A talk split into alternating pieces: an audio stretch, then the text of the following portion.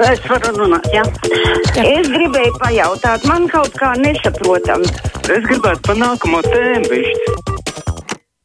Brīvā mikrofona tālruņa numurs 67 222 888 vai 6722 559, tātad 6722 888 un 6722 559. Tāpat es arī aicinu jums rakstīt uh, no Latvijas Rādio 1 mājaslapas. Tur ērti atrast sadaļu kruspunktā vai brīvais mikrofons, un arī uzreiz redzēšu jūsu pārdomas.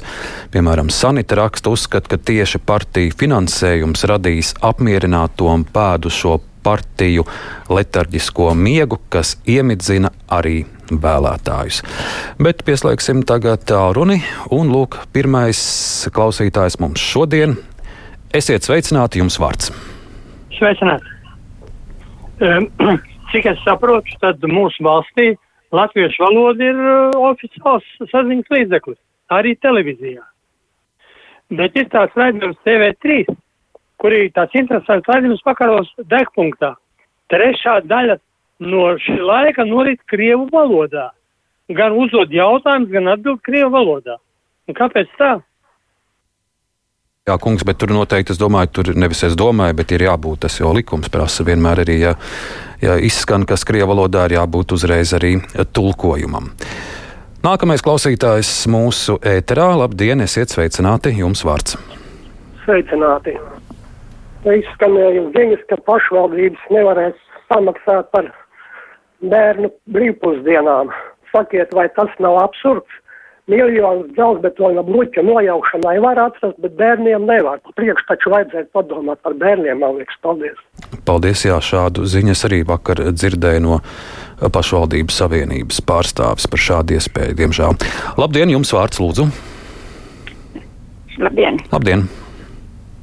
Sakiet, lūdzu, vai jūs aicinājāt Georgu Andrējevu uz savu raidījumu?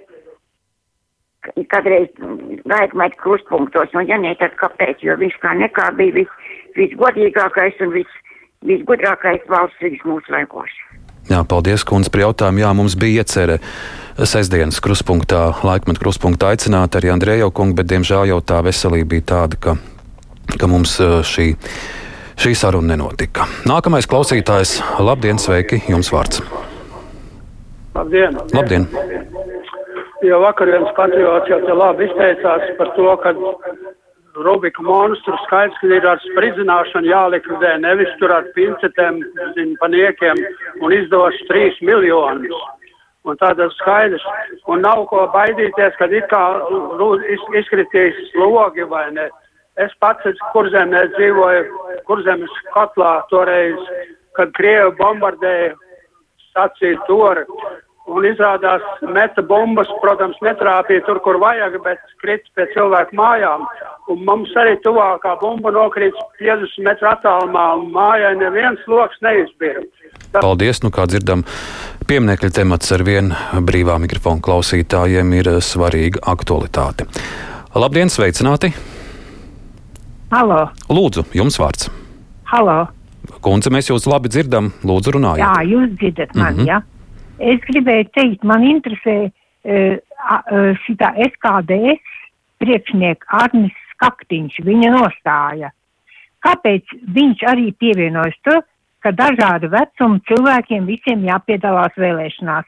Bet kāpēc viņam birojas, tieši viņa birojas SKDS un sabiedrisko domu vēl pie tām pauž? It kā bet intervēt drīz tikai cilvēks līdz 65 gadu vecumam. Ko tie pārējie domā, par tiem neinteresējas. Jā, paldies jums. Es nevarēšu jūs nokomentēt, es diezgan saraustīgi dzirdēju jūs teikto, bet, bet ceru, ka, ka klausītāji izprat jūsu domu. Labdien, sveicināt jums vārds! Labdien! Lūdzu! Es gribētu par to pieminekļu jaukšanu un par to uh, ielu pārkrustīšanu. Man liekas, kā vakar viena salīdzināja arī šis ir tā kā zupas pārsildīšana. Tas agrāk vienmēr tā ir bijis. Un Maskavas iela simtiem gadu jau ir Maskavas iela. Vai tāpēc viņi ir slikta, vai tā, kad Krievi tur tagad šitā uzvedās. Un tāpat tās Puškina iela vai Lermontovu iela. Ko tie cilvēki kādam nodarījuši? Un tad es domāju, ka to, tas maksā naudu. Atkal jaunas plāksnītes un visa tā māju, tās mm, numurzīmes ar, ar, ar ielas nosaukumu. Un pie tam pieminekļu nojaukšana tagad šī situācijā - 3 miljoni. To pie koncerta zāles celtniecības to naudu jāpieskait būt. Tā, tā man liekas, jo tas piemineklis nav vainīgs, ir sabiedrības noskaņojums vainīgs.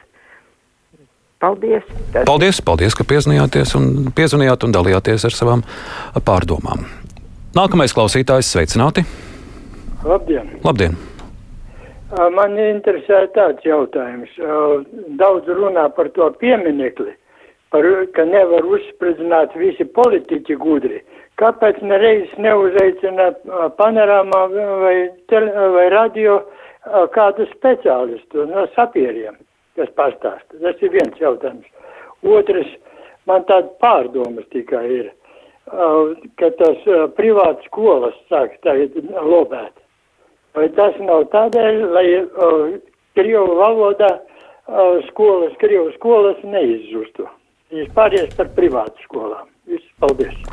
Paldies arī jums par jūsu pārdomām. Tagad ieskatīšos, ko mums ļaudis raksta Latvijas Rādio 1 Mājaslapā sveiki, kā jaunietis pavadīja daudz laika TikTokā, taču man pārsteidz tas, cik daudz tur ir tāda satura, kuru bērniem nemaz nevar rādīt. TikTokā drāmas, lamu vārdu un ģēlības, ja nu kādam ir kaut kas vērtīgs, ko varētu citiem iemācīt, aicinu to arī publicēt TikTok tā, lai padarītu par izglītojošu platformu. Nu, varbūt daļa mūsu klausītāju nemaz nezina, kas ir TikToks, līdzīgi kā Facebook vai, vai Twitter. Īpaši jaunu cilvēku vidū TikToks šobrīd ir Latvijā un arī visā pasaulē tā populārākā platforma, kur pavadīt laiku. Un arī ļoti aktīvi skatos politiķi to tādu izdomā. Vēl klausītājs raksta, kad es augu, mums brīvpusdienas bija jānopelna pavasaru strādājot skolā bet tas arī nenozīmē, ka brīvpusdienas būs eh, pa ziemu. Anna raksta, dzirdēja Latvijas radio raidījumu, kurā jauna sieviete lika saprast, ka ar ģimeni dosies prom, jo šeit Latvijā viss ir slikti. Nav darba, bet kāpēc viņa nav pamēģinājusi iegūt izglītību, kas ļautu iegūt darbu? Skolotāji, sociālai darbinieki tās bija, ir un būs pieprasītas profesijas, vai arī joprojām ir vēlme bez mācīšanās saņemt labu naudu.